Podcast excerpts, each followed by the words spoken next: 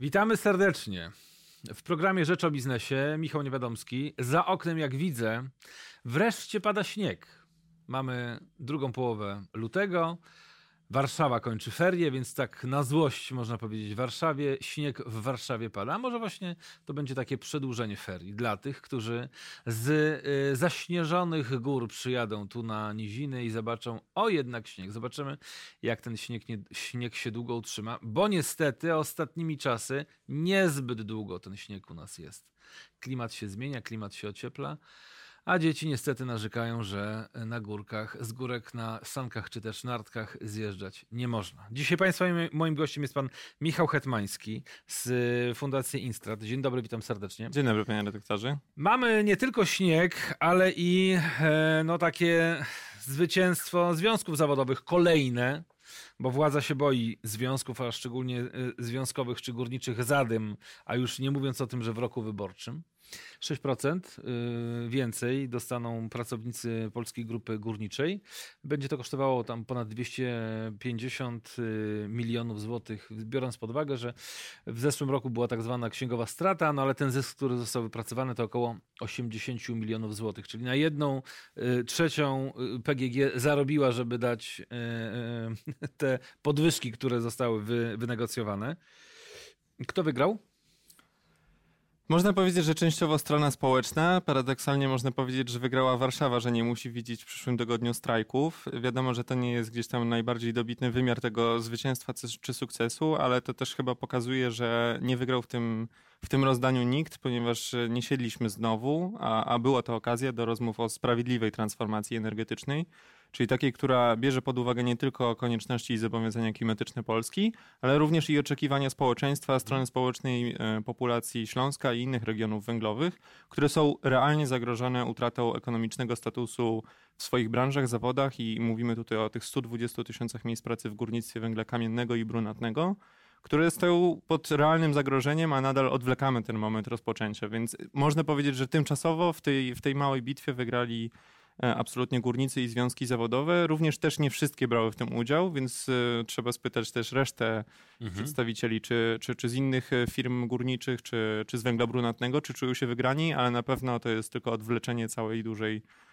batalii, można powiedzieć. No bo mamy duży problem z węglem. Z jednej strony na zwałach dużo tego węgla i coraz więcej właściwie przybywa do centralnego magazynu w Wielkopolsce. Z drugiej strony ten węgiel zasiarczony i drogi, no bo drogo się go wydobywa, bo te złoża są coraz niżej umiejscowione i coraz trudniej jest się do nich dostać. Coraz głębiej, czyli coraz cieplej, więc i i wszystkie te problemy, które tam są, występują, a do tego oczywiście niska wydajność, bo jak mówił tu kilka dni temu pan Arkadiusz Krężel, e, prawie trzykrotnie niższa jest ta w PGG e, wydajność, aniżeli w przypadku e, innych mm, opłacalnych, można powiedzieć, kopalni. Ale zastanawiam się, czy nie przegapiliśmy też trochę okazji do tego, żeby trochę o tym węglu szerzej porozmawiać, bo problem importu, problem tej górki, która w e, Ostrowie Wielkopolskim narasta, to jest jedno, ale z drugiej strony widzimy też, że jest mniejsze zapotrzebowanie na węgiel, bo choćby w zeszłym roku o 3 miliony mniej węgla spaliły e, polskie elektrownie, co oznacza, że będzie mniejsze zapotrzebowanie na ten węgiel, bo prawdą jest też to, że odnawialne źródła energii wybierają, wypierają. system systemu te duże węglowe bloki, a jeszcze jak dołożymy do tego na dokładkę rosnące uprawnienia do emisji CO2, które będą tylko wzrastać, no to mamy obraz taki, że prąd na rynku hurtowym jest w Polsce najdroższy, czy jeden z najdroższych w Unii Europejskiej. Co w takim układzie można zrobić? No, dobrze pan mm, zwrócił uwagę, że ten węgiel, który jest składowany z, prze, przewożony z innych składów lub bezpośrednio z elektrowni, znajduje się w Ostrowie Wielkopolskim. To trochę paradoks, bo to miasto znane z tego, że bardzo ambitnie i, i przyszłościowo myśli o energetyce i wyznacza sobie cele dekarbonizacji. E, Ostrów e, założył, że do 25 roku odejdzie od węgla w spalaniu w lokalnym ciepłownictwie, stawia własny klaster energetyczny, więc paradoksalnie tutaj dwa, zielone, zielone i czarne się łączy w jednym mieście. Taki skansen. Się, tak. No właśnie, jak pan sam wspomniał, spa, spadło o 3 miliony ton. No, jak przeliczaliśmy z, z, najnowszych danych już opublikowanych na koniec e, za grudzień, czyli można podsumować cały 19 rok, elektrownie i elektrociepłownie e, spaliły w zeszłym roku ponad 34 miliony, w 18 roku 34 miliony ton, a 31 w 19 mhm. roku. To jest największy ilościowo i, i, i procentowo spadek z roku e, do roku, nigdy jak przeliczaliśmy obserwowany na przestrzeni ostatnich lat. Z czego on wynika? Po pierwsze, jak pan powiedział, odnawialne źródła energii wypierają elektrownie węglowe, maleje ich load factor, e, udział energii węglowej w, w miksie regularnie spada z 80% w poprzednim, e, w 18 do 75% mhm. w 19 roku. Nie powiem, duży ma udział również, to, to, to jeszcze nie zostało dobrze przeliczone, duży udział ma również wpływ ta ciepła zima, czyli ten mhm. śnieg, który pojawił nam się dosłownie teraz, a nie leżał przez, e, przez całe poprzednie miesiące w dużych miastach E, czy, czy w mniejszych, zmniejszył, zmniejszył w dobitny sposób popyt na węgiel, zarówno w ogrzewnictwie indywidualnym, jak i ciepłownictwie systemowym. E, każdy z tych sektorów zużywa po 12 milionów ton węgla rocznie, więc te łącznie 24 miliony ton węgla, które, mhm. które jest zużywane na, na samo ogrzewanie, czy, czy, czy systemowe, czy indywidualne w, w gospodarstwach domowych, czy w budynkach niepodłączonych do sieci ciepłowniczej, to jest radykalna zmiana i, i po prostu mniejsze zapotrzebowanie, więc tutaj można powiedzieć, odbija się rykoszetem na sektorze górnictwa to, że mamy. I dał też denialistom klimatycznym do myślenia. No, zmian klimatycznych nie ma, to taka bójda, to takie bajki, które zieloni opowiadają, a tu się okazuje, że to wcale nie są żadne bajki. Ale powiedzmy dwa słowa o raporcie, który Państwo przygotowaliście. 2030 rok, rok granicznego odejścia od węgla jest szansa na to, żeby faktycznie Polska do 2030 roku mogła odejść od węgla, zakładając, że z tego co dobrze pamiętam, 55 czy 56% w 2030 roku ma stanowić węgiel w miksie energetycznym. E, bo do 30 roku ten udział tego węgla ma być wysoki, dopiero po 30 roku ma tam zacząć lekko spadać do roku 2040. Tak. Jest to w ogóle szansa, żeby w ciągu 10 lat dokonać takiej rewolucji?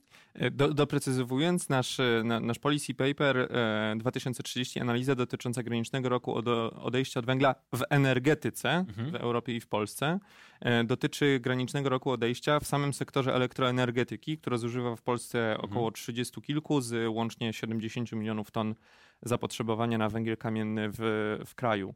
Więc pierwszym sektorem, który powiedzmy idzie pod działo armat klimatycznych mhm. unijnej polityki klimatycznej jest właśnie elektroenergetyka. A mhm. dlaczego nie, nie, nie, inny sektor, gdzie też się zużywa nie, nie tyle mhm. węgiel, co inne też paliwa kopalne, czyli, czy, czyli emisyjne źródła, ponieważ tutaj znamy już alternatywy w postaci odnawialnych źródeł energii czy innych technologii, ale również i gazu, który mhm. absolutnie jest paliwem kopalnym i również emisyjnym, ale ponad dwukrotnie mniej niż węgiel. E, czy nawet trzykrotnie mniej niż węgiel brunatny. Dlatego zajmuje, zajęliśmy się tylko, e, tylko rokiem dotyczącym odejścia w energetyce. Również dlaczego? Ponieważ w całej Europie toczą się tego typu dyskusje, jaki będzie graniczny rok odejścia. I absolutnie ostatni moment e, jest, jest jakimś tam powiedzmy deadline'em oraz wskazówką, do którego momentu Polska czy Unia Europejska zobowiązuje się również w ramach globalnych negocjacji z, na, na forum ONZ-u do odejścia od węgla i pokazanie również innym krajom, przede wszystkim rozwijającym się, które bardziej intensywnie niż mhm. Polska czy, czy Europa budują elektrownie węglowe. Mówimy o, przede wszystkim o Indiach i Chinach, albo nawet Japonii, czyli kraju rozwiniętym, który buduje nowe elektrownie, mhm. czyli absolutnie jest w kontrze do tego, do tego, co się dzieje w Europie. I dlatego wskazujemy, że w, na podstawie globalnych modeli klimatycznych wynikających z, z prac IPPC, czyli mhm. Międzyrządowego Zespołu do, do spraw zmian klimatu, czy prognoz Agencji e, Międzynarodowej Agencji Energii, ten rok graniczny to 2030, wymagany, podkreślam, do spełnienia założeń porozumienia paryskiego. Każdy inny okres, mhm. E, każdy inny rok odejścia, to według naszych przeliczeń między 35 a 45 rokiem nawet, pokazuje, że jest to ścieżka niespójna z założeniami porozumienia paryskiego. Więc... Co za tym idzie, ta średnia temperatura skoczy powyżej 2 stopni, jeżeli nie zrezygnujemy z węgla do roku 30. Ale w takim układzie, bo te zmiany są nieuniknione. Widzimy, co się dzieje z klimatem, widzimy, co się dzieje na świecie. Co z takimi elektrowniami jak Opole, oddane w roku ubiegłym do, do użytku? Kozienice, kilka lat temu. Jawożno, kolejne, które ma być w tym roku, jakoś nie, nie idzie to Auronowi, to, to Jawożno... Uruchomienie. Tak, uruchomienie. Houston mamy tam problem No ale to Jaworzno pewnie zostanie za chwilę odpalone. Trzy duże obiekty energetyczne napędzane węglem, kosztujące miliardy złotych. Co z tymi obiektami w ciągu najbliższych 10 lat? 15. Absolutnie nie należy ignorować e, tematu, który jest e, bardzo często podnoszony powiedzmy przez stronę rządową. Jest to wpisane jako jeden z priorytetów polityki energetycznej Polski, czyli bezpieczeństwo dostaw, również rozumiane przez niezależność e, energetyczną, czyli brak konieczności uzależnienia od importu. Więc nie należy ignorować tematu tego, że, że opieranie dalej krajowej energetyki na węglu w jakiś sposób pozwala zatrzymanie tego całego łańcucha wartości, który stoi za, za każdą kilowatogodziną, którą, którą my kupimy. Te, te pieniądze zostają w kraju. Pytanie, czy są dobrze wydane oraz czy na dłuższą metę jesteśmy w stanie zatrzymać te, aż tyle tej wartości dodanej w kraju, ponieważ importowany węgiel, a, a, a mamy już, e, mieliśmy w, 19, w 18 roku rekordowy import na poziomie dziewię, prawie 20 milionów ton. W zeszłym za zeszły, 16, tak? zeszłym roku, jeszcze nie mamy pełnych danych, ale, to, ale nie, przebi, nie przebije poprzedniego rekordu, ale też będzie to drugi najwyższy mhm. w historii, też około 16 milionów ton. Mm, pytanie, czy na dłuższą metę te bloki nowe, które wybudowaliśmy, które absolutnie są bardziej sprawne i bardziej efektywne, czy one będą po prostu konkurencyjne w systemie? I my, i my w tym raporcie oraz też e, na podstawie naszych prac nad e, analizą opłacalności dotyczącej elektrowni Ostrołęka C wskazywaliśmy, że, e, że w tym miejscu, gdzie taka elektrownia jest zlokalizowana, bardziej opłacalny będzie mhm. surowiec importowany, a znajduje się w północno-wschodniej części Polski, więc nie muszę mówić mhm. też o kierunkach zbytu. E, węgla, skąd, skąd będzie on pobierany. E, pytanie też, czy one będą konkurencyjne w systemie. Kiedy budowano takie bloki jak Opole, czy, czy, mhm. Kozieni, czy Nowe Kozienice, czy Jaworzno, zakładano, że one będą pracowały przez ponad 80% w roku, a teraz wychodzi, że pracują mniej niż 50%, a ten load factor, współczynnik zużycia, będzie, będzie też sukcesywnie spadał. Mhm. W związku z tym, czy jest sens budowania dużych elektrowni, które same z siebie nie będą po prostu konkurencyjne w systemie? No więc pytanie też, które się nasuwa oczywiście i które zadajemy tutaj w tym studio, jest też takie, co ma wypełnić tę pustkę po 30 roku, jeżeli chodzi choćby o Bełchatów, bo e, mamy nowego prezesa Polskiej Grupy Energetycznej. Zobaczymy, co on tak właściwie uważa o różnych problemach, które, które stoją przed polską energetyką. Czy jest to rozwój y, zielonej energii, czy to jest kwestia ciepłownictwa, które też boryka się z wieloma problemami, choćby mamy przykład bankructwa w hełmie.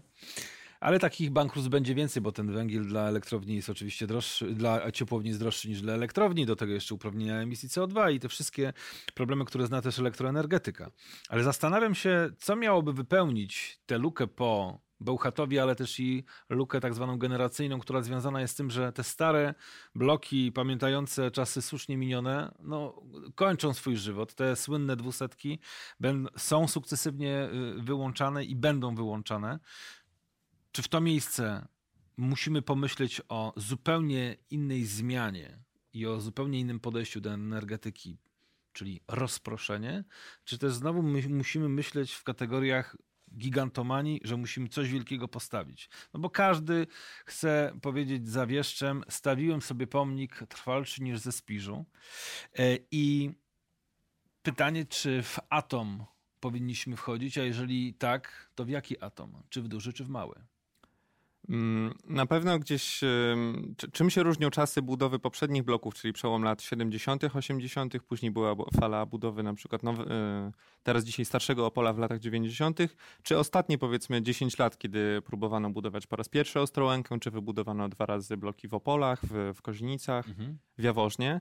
No czym się różni to od dzisiejszych warunkach? Warunków. No, mamy dużo bardziej rynkową sytuację, mamy zliberalizowany rynek energetyczny w, w świetle nowych przepisów e, Unii Europejskiej dotyczących rynku energii, e, nacisku na wspólnoty energetyczne, na prosumentów. E, w świetle również tego, że radykalnie obniżyły się koszty zakupu, czyli koszty inwestycyjne w odnawialnych źródłach energii, dużo trudniej jest po prostu spiąć przysłowiowego Excela na, na, na większy lub średniej wielkości blok e, konwencjonalny, ponieważ obarczony jest on dużo większym ryzykiem regulacyjnym oraz systemowym, czyli samo przeciąganie terminów oddania do budowy, mhm. Więc to Jaworzno oddawane teraz z opóźnieniem jest też dobitnym przykładem tego, że nam chyba duże, duże budowy nie wychodzą. Dlatego też ja osobiście jestem zdania, że nie ma co, nie ma, należy odejść od gigantomanii i też dobrze sobie przeliczyć, czy przypadkiem energetyka rozproszona, budowana właśnie, podkreślam, też przez prywatne przedsiębiorstwa energetyczne, które chcą mhm. budować nowe moce wytwórcze, nie tylko w, w odnawialnych źródłach energii, ale nawet jeśli to będzie gaz, czy, czy nawet, e, jak, jak, jak pokazał przemysł, będzie to prywatny atom, również należy taki kierunek e, do, docenić i uszanować, a nie wypierać tego rodzaju inwestycji prywatnych inwestycjami sektora prywatnego, ale sterowanego publicznie nie da się na dłuższą metę utrzymać w, w, w, tym kierunku, który obrała Unia Energetyczna, tego co, e, te, tego, co się utrzymało przez ostatnie 10 lat w Polsce. Czyli, e, czyli gdzieś e, pomiędzy dużymi koncernami energetycznymi są rozgrywane lokalizacje oraz technologie na, na nowe bloki, czy węglowe, czy gazowe to nie jest dobry kierunek i on absolutnie opóźnia e, moment oddawania tych nowych mocy, żeby zastąpić stare. I to jest właśnie ten paradoks, że, że, że, powiedzmy policymakerzy od dobrych 10 lat mówią o tym, żeby zapewnić bezpieczeństwo energetyczne, jednocześnie drugą ręką na co dzień dokładają się do tego, żeby, żeby prądu w gniazdkach e, nam prawdopodobnie któregoś nie zabrakło, ponieważ sami opóźniają po prostu tak sterując ręcznie ten regulowany rynek. E, I dlatego dochodzi do takich sytuacji, że brakuje mocy e, w, systemie lub są oddawane z opóźnieniem. Dobrym przykładem są tego wiatraki e, na lądzie, które, które są przez ostatnie 3-4 lata no, inwestycje zamrożone. Dopiero teraz coś się ruszyło na rynku, ale ze zdecydowanym opóźnieniem. No i to ostatnie 5 lat od czasu, kiedy za rządów premier Beaty Szydło postawiono na zamrożenie wiatraków na lądzie, a wspieranie górnictwa, mamy te lata stracone i ten problem niestety będzie narastał. Ale na sam koniec jeszcze kwestia negocjacji unijnych, bo w Brukseli trwa szczyt y, na którym dyskutują przywódcy o tym, w jaki sposób ma wyglądać ten y, budżet unijny w kolejnych latach. Jak się panu wydaje, jesteśmy w stanie na te problemy, o których rozmawiamy, transformację energetyczną, sprawiedliwą transformację, e, uzyskać korzystne pieniądze i korzystny model finansowania, bo tak jak e, napisał ostatnio w serwisie Energia News Patryk Białas, no w centrum tej e, całej transformacji sprawiedliwej musi być człowiek. I dla tego człowieka trzeba stworzyć odpowiednie warunki, i przeprowadzać te transformacje. Ja cały czas przypominam też e, zmianę, której dokonał premier Buzek i, i, i wicepremier Janusz Steinhoff w 20 lat temu na Śląsku. 23 kopalnie e, zamknięte, 100 tysięcy ludzi dobrowolnie odchodzi z pracy. Dokonano tam gigantycznej zmiany. Gdyby nie tamte zmiany, to nie bylibyśmy na pewno tak zaawansowani w, w tej zmianie jak, jak teraz. Chociaż cały czas wydaje mi się, że pokutuje to, że w Polsce te kopalnie nie są sprywatyzowane, bo byłoby to zupełnie inna sytuacja. Ale wracając do Brukseli, jakie pan wiąże nadzieje z tym szczytem? Hmm. Chciałbym zauważyć, że warto uczyć się na błędach, a, a, a takie błędy teraz na przestrzeni ostatniego roku e, popełniono dużo w Niemczech, ponieważ e, w ramach e, całej komisji węglowej, przypomnę, Polska jest ostatnim krajem, nawet Czechy mają komisję węglową, a w Polsce nadal nie ma ani komisji, ani granicznego roku odejścia od węgla. Takie rozmowy są przedłużane. No w Niemczech nareszcie do takich rozmów e, siadła i strona społeczna, i, i naukowcy, i think tanki, i firmy również komercyjne zainteresowane e, analizą na ten temat oraz przede wszystkim producenci.